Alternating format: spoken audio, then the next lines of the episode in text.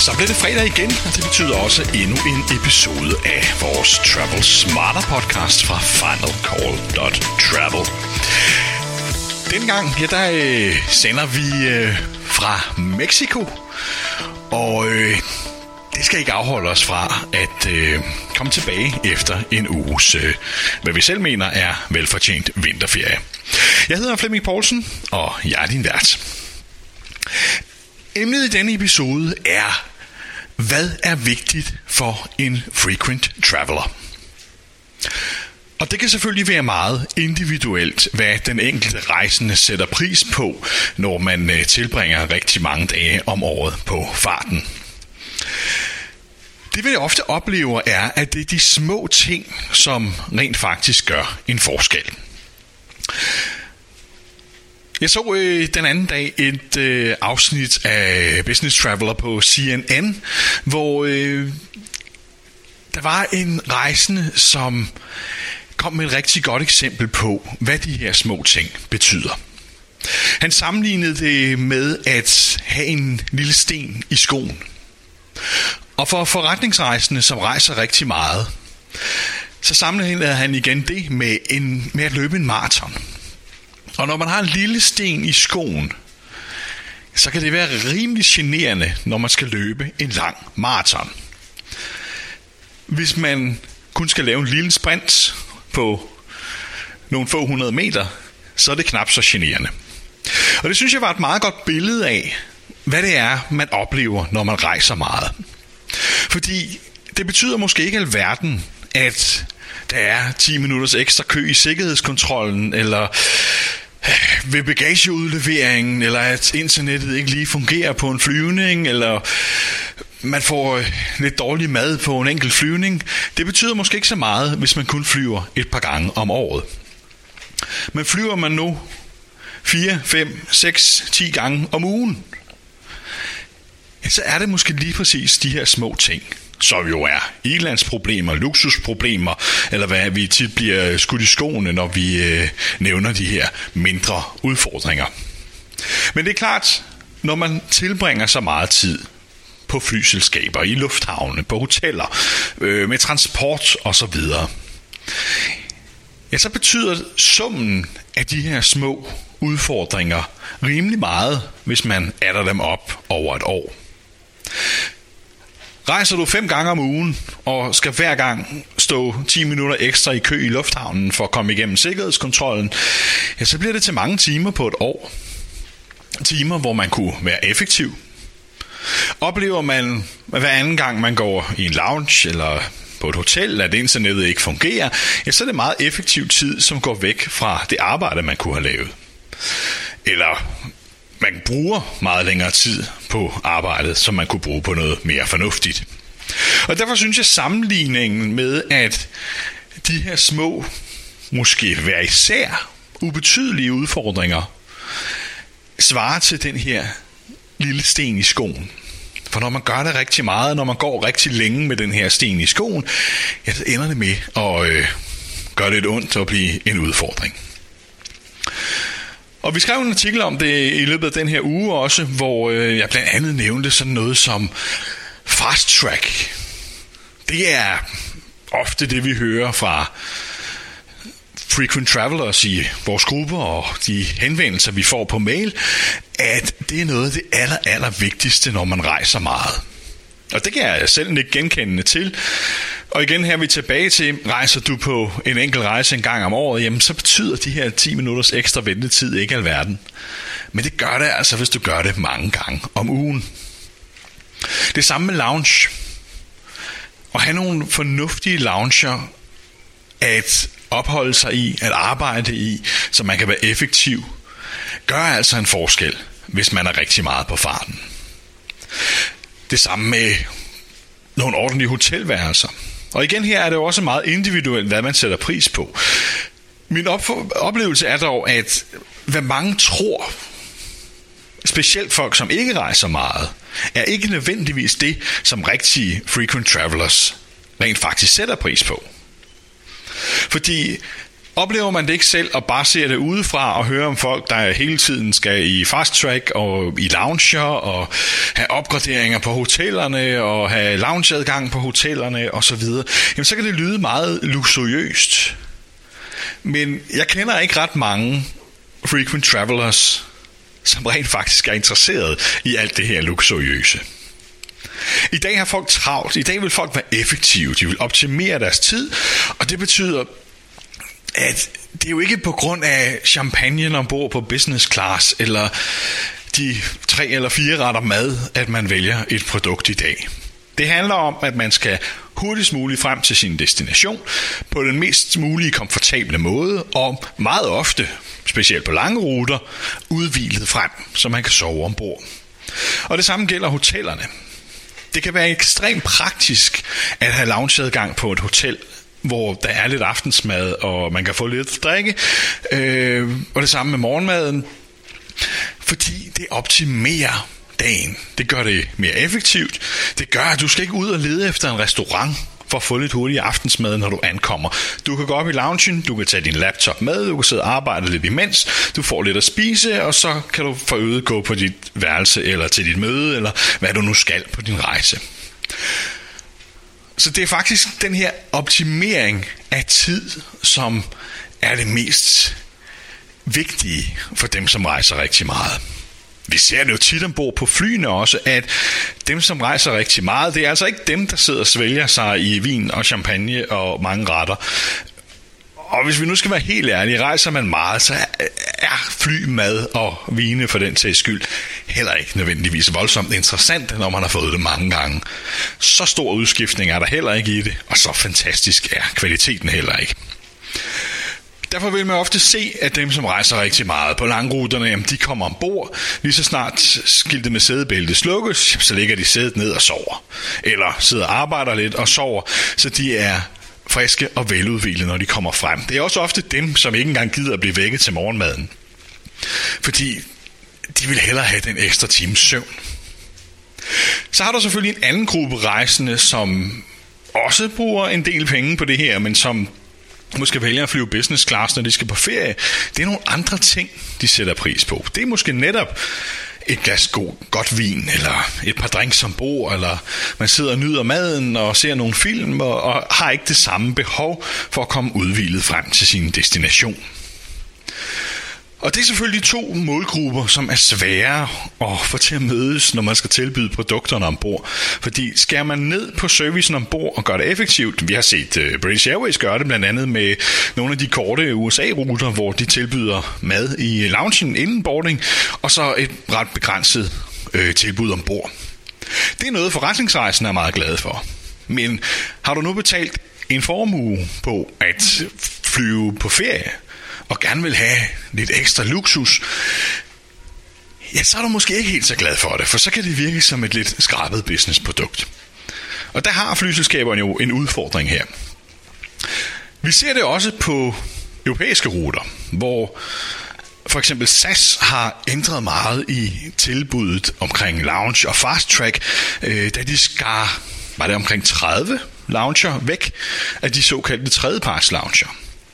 Så hvis der ikke er en Starlines lounge, og du ikke har guldkort, så er der altså slut med at komme i lounger på rigtig mange destinationer, som SAS flyver til i Europa. Og det er jo noget, vi har hørt rigtig meget feedback på fra øh, både lyttere af podcasten her og medlemmer i vores øh, Facebook-grupper, at det er faktisk et problem. Fordi det fjerner jo netop den her optimering af tid. Og det kan være svært for mange at forstå, at hvorfor det er så vigtigt, at man sparer de her 10 minutter i sikkerhedskontrollen, at man kan sætte sig ind i loungen frem for at sidde på en stol i gaten. Øhm, og som jeg sagde indledningsvis, jamen så er det jo heller ikke det store issue isoleret set, hvis man tager den enkelte oplevelse. Men det bliver det jo over tid, hvis du rejser rigtig meget til de her destinationer, og dermed aldrig har adgang til det, så bliver det jo en udfordring. Og det bliver noget, som forretningsrejsen også vil tænke over, når de booker. Fordi det netop er en vigtig ting. Jeg tror på, at det her kan koste de flyselskaber omsætning, som sparer på de her ting. Der bliver sparet på rigtig meget. Vi har efterhånden vendet os til, at man ikke skal forvente det helt store gourmetmåltid ombord. Vi har øh, vendet os til, at bonusoptjeningerne rundt omkring er blevet øh, devalueret meget voldsomt. Og mange andre besparelser igennem tiden.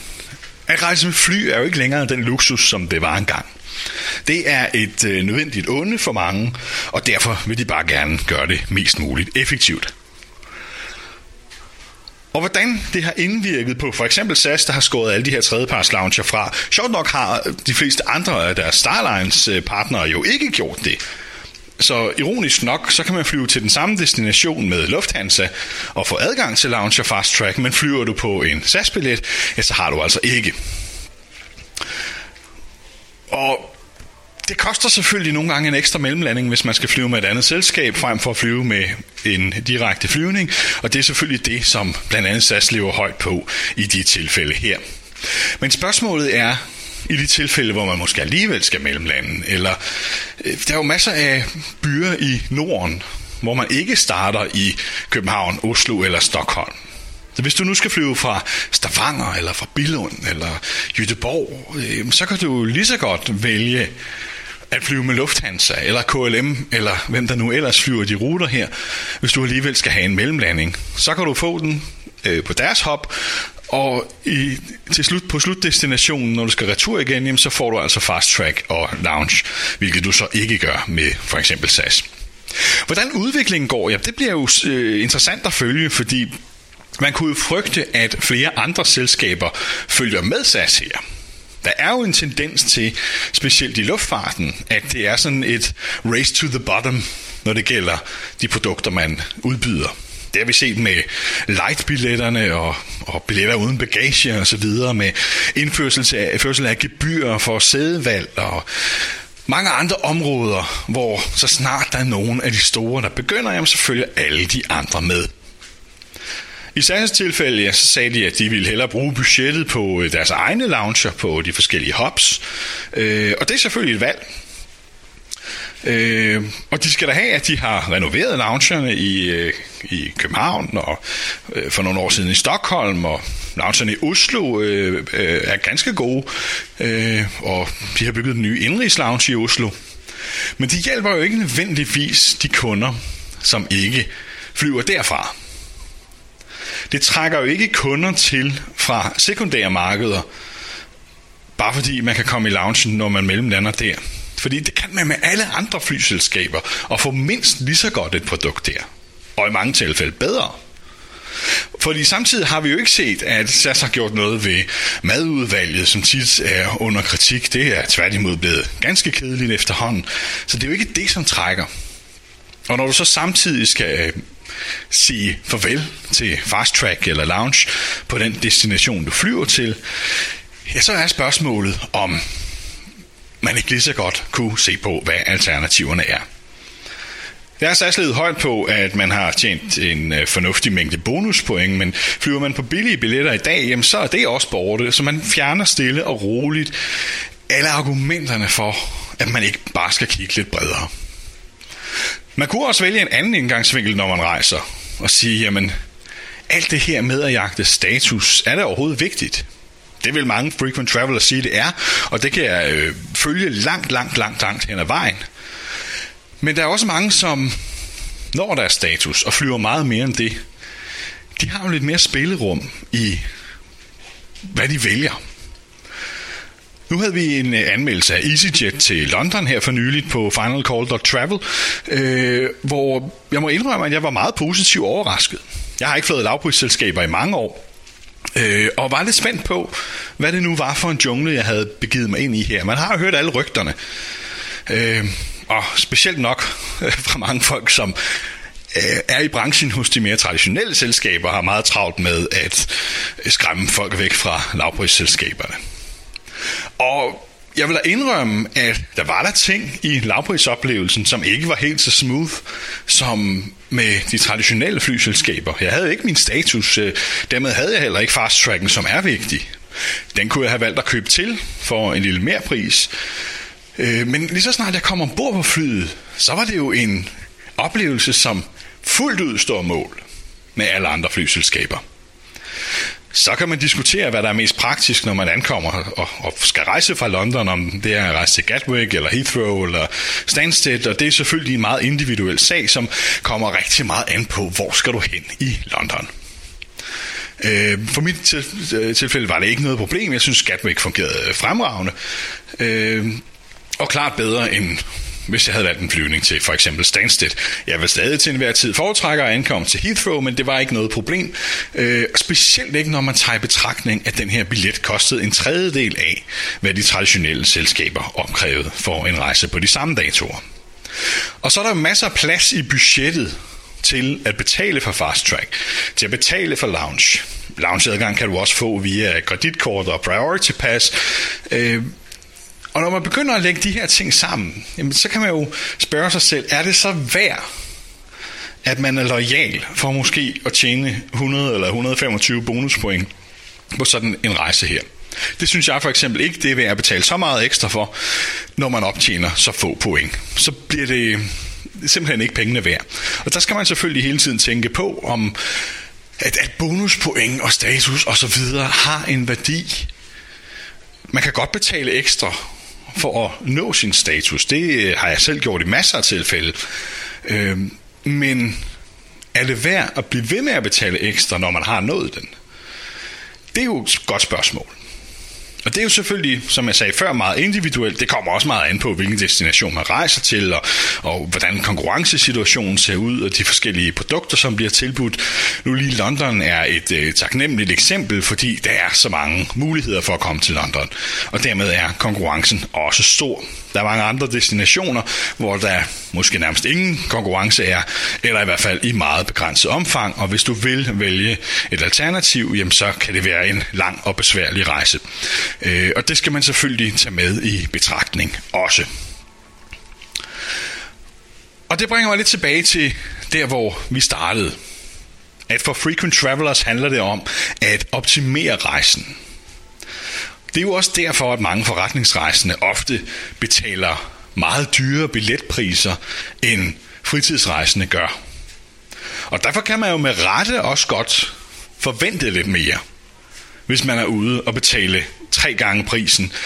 Så synes jeg, det er helt på sin plads, at man også forventer, at tingene fungerer, at man også øh, stiller lidt krav til, at det er helt okay at mm, forvente, at man skal have lidt variation i maden, i både loungerne og i øh, ombord på flyene, og man skal forvente, at hvis flyselskabet lover priority levering af bagagen, så skal den død og pine også komme først på båndet.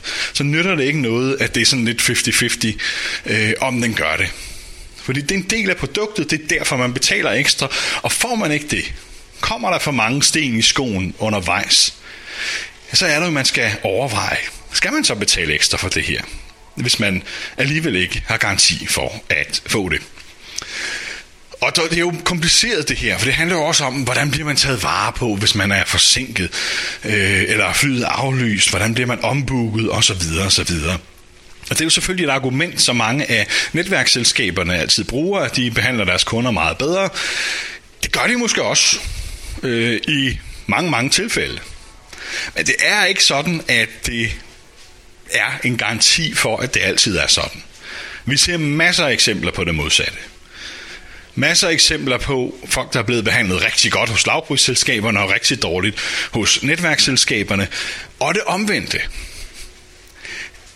Der er nok en tendens til, at netværksselskaberne strækker sig lidt længere. I hvert fald, hvis du har status. Jeg er ikke sikker på, at der efterhånden er den store forskel, hvis du ikke har status, og dermed ikke prioritet, når der skal ombookes. Øh, har du en høj status, og er en god kunde hos dem, så strækker de sig lidt længere. Har du ingen status, så skal du måske kæmpe lidt mere med dem. Og øh, det skal man selvfølgelig tage med i betragtning. Der findes ikke rigtig nogen tal på det her som sådan, øh, udover at det selvfølgelig er et emne, vi har haft fingrene dybt nede i, øh, i, i mange år, og har set masser af eksempler på. Og der vil jeg da nok anerkende, at hos de fleste netværksselskaber, er der nok en bedre chance for at komme hurtigere frem til sin destination, hvis man skulle opleve øh, aflysninger eller forsinkelser osv. Men det er på ingen måde en garanti. Vi har set masser af eksempler på det modsatte. Så det var sådan lidt om, hvad der er vigtigt for frequent travelers. Vi kan, vi kan komme ind på hotellerne også, hvor mange jagter status på hotellerne, og det kan man få rigtig meget ud af. Med de rigtige statuser, så får du fine upgrades ofte. Der er stadig ingen garanti. Men nogen garanterer så, at du kan komme i loungen og få club access og hvad det hedder på de forskellige hoteller. Og det kan selvfølgelig være en rigtig god perk at have, som kan være med til at gøre livet lidt lettere, når man er en travl forretningsrejsende. Men igen, er det mere prisen værd at være lojal mod en kæde? For ofte, ofte vil man jo ende med over tid at betale betydeligt mere for det her. Og der skal man måske også nogle gange sætte sig ned og sige, måske det bedre kunne betale sig bare at booke alle mine hoteller på Orbitz eller Booking eller Hotels, og få min øh, 10. nat gratis, eller hvad man nu får i deres loyalitetsprogrammer. Og så de gange, jeg har behov for et clubroom, der booker jeg og betaler for et clubroom. Til gengæld er jeg ikke bundet til en kæde. Jeg kan vælge, hvad der er billigst på dagen. Måske det er hotellet ved siden af en anden kæde. Øh, og det kan, kunne kan man sagtens se kan give gode besparelser over et år for eksempel. Det vil øh, give dig sikkerheden i, at du får, hvad du bestiller. Man skal ikke forvente mere, når man booker hos de her portaler. Der får du, hvad du betaler for. Færdigt slut. Så der behøver man ikke skal satse på, om man nu får en upgrade, eller forhandle sig til den ved check-in, eller hvad man nu også ofte kommer ud for. Og lad os nu være ærlige, mange af de upgrades, man får til en fin suite, det er jo ofte, når man tjekker ind sent på aftenen og tjekker tidligt ud morgenen efter, og har man i virkeligheden behov for den der. Jeg har ikke. Øh, ofte når jeg er på forretningsrejse, så skal jeg have en seng at sove i, øh, og der er betyder det egentlig ikke så meget, hvor stort rummet er, eller øh, hvilken udsigt jeg har, osv. Der skal jeg have fred og ro og en god seng at sove i. Det er det, som er vigtigt. Lidt som øh, flyrejserne for dem, som rejser meget. Der er det et godt sæde og en smooth oplevelse. Ikke hvilken champagne de serverer ombord. Personligt har jeg gjort det på hotellerne. Øh, hvor jeg har droppet loyaliteten der. Det synes jeg giver mig mange, øh, meget større valgmuligheder og, og mange flere øh, ja, muligheder for at få, hvad jeg har behov for i de enkelte tilfælde, for det varierer. Der booker jeg et clubroom, når jeg har behov for lounge-tilgangen, og jeg har tid, eller ofte når jeg ikke har tid, så er det praktisk, at man lige kan gå i loungen og spise, hvis det er en lounge, der rent faktisk tilbyder et ordentligt udvalg. Er det et hotel, som ikke gør det, så vælger jeg det fra, og så spiser jeg et andet sted. Øh, så, og igen, det er jo individuelt, hvad man synes. Rejser man nu på destinationer, hvor man mere eller mindre kun bruger den samme hotelkæde, eller er ansat i en firma, i et firma som har en out, god aftale med en hotelkæde, jamen så er der jo andre forudsætninger for, hvad man skal vælge. Og den strategi kan man også bruge, når det gælder flyselskaber. Det er i virkeligheden forsøger at rådgive omkring, er, at man skal ikke bare booke i blinden. Man skal tænke sig om, og man skal booke det, man har behov for. Som loyalitetsprogrammerne har, efterhånden har udviklet sig, så er de jo ikke længere til for at gøre dig en tjeneste. Det har de født aldrig været, men der har i hvert fald været flere fordele tidligere, end der er i dag, øh, hvor rigtig meget bliver devalueret. Så der skal man tænke på sig selv. Loyalitet går to veje, og når den anden part ikke rigtig giver noget igen, jamen så skal du måske heller ikke helt være så lojal, som du altid har været. Men som sagt, det er meget individuelt, så kig på dit eget rejsemønster og dine egne behov. Hvad er det, der er vigtigt for dig? Fordi der er også mange, som tænker, jamen lige fast track, det er ikke så vigtigt for mig. Jeg bor tæt på lufthavnen, jeg kommer bare 10 minutter før, så er alt fint, så det, det er ikke det, der er vigtigt for mig. Og så er der andre, som synes, det er meget vigtigt. Og jamen, så må man jo vælge ud fra de behov, man nu engang har. Så tænk over det, og, øh, og, og kig lidt på dine rejsemønstre, og, og, og vær lidt kritisk, når du øh, bestiller dine rejser. Så øh, er der mange måder at gøre det på her. Der er ikke nogen rigtig eller forkert måde, øh, men kun den måde, som passer dig bedst. Så prøv at kigge på dine rejsemønstre øh, og kigge dem lidt igennem og, og, og se på, hvad er det, der er vigtigt for dig. Øh, så er jeg sikker på, at du også kan optimere dit øh, rejsebudget og ikke mindst effektivisere dine rejser øh, endnu mere end i dag. Husk også, at øh, vi har vores Facebook-grupper, Frequent Traveler Danmark hedder den danske. Den søger du op på Facebook og søger medlemskab der. Der skal du lige svare på tre forskellige spørgsmål, øh, inden øh, vi accepterer dig som øh, medlem der. Du kan også følge os på Facebook, der hedder vi Final Call, så går du ikke glip af de mange artikler, som vi udgiver hver øh, uge, øh, med masser af gode tips og tricks til frequent travelers, som gerne vil rejse lidt smartere. Og sidst men ikke mindst, ja, så må du også meget, meget gerne gå ind og besøge os på finalcall.travel-da. Det er vores danske side, øh, hvor du altså også kan læse alle de her øh, artikler, anmeldelser, test af produkter, tips, tricks, øh, gode tilbud. Øh, alt, som kan være relevant for folk, som rejser mere end gennemsnittet. Og kan du lide den her podcast, så vil vi blive super glade, hvis du giver os nogle stjerner i iTunes, eller hvor du ellers lytter med. Øh, husk, vi er også på Spotify nu, hvis du hellere vil lytte der. Øh, så bliver vi super, super glade. Vi øh, opkræver ikke noget betaling for at læse med, eller lytte med, eller noget som helst. Så det bedste, du kan gøre for at hjælpe os, det er at dele på sociale medier, og give os nogle øh, gode anmeldelser, øh, så vi kan få spredt budskabet til endnu flere, som gerne vil rejse smartere. Det var også slut på øh, denne fredags podcast, dengang sendt fra øh, Mexico, og mens den bliver sendt her, ja, der er vi øh, godt på vej over Atlanten på øh, business class med SAS, og øh, der kan du helt klart forvente at øh, læse en øh, anmeldelse af det produkt inden så frygteligt længe på finalcall.travel. Tak for den gang. Jeg har kun tilbage at sige tak for en rigtig god uge i Frequent Flyer, Frequent Traveler-verdenen, og så ønsker jeg en rigtig god weekend og sige på genlyt i næste uge. Jeg hedder Flemming Poulsen. Contents per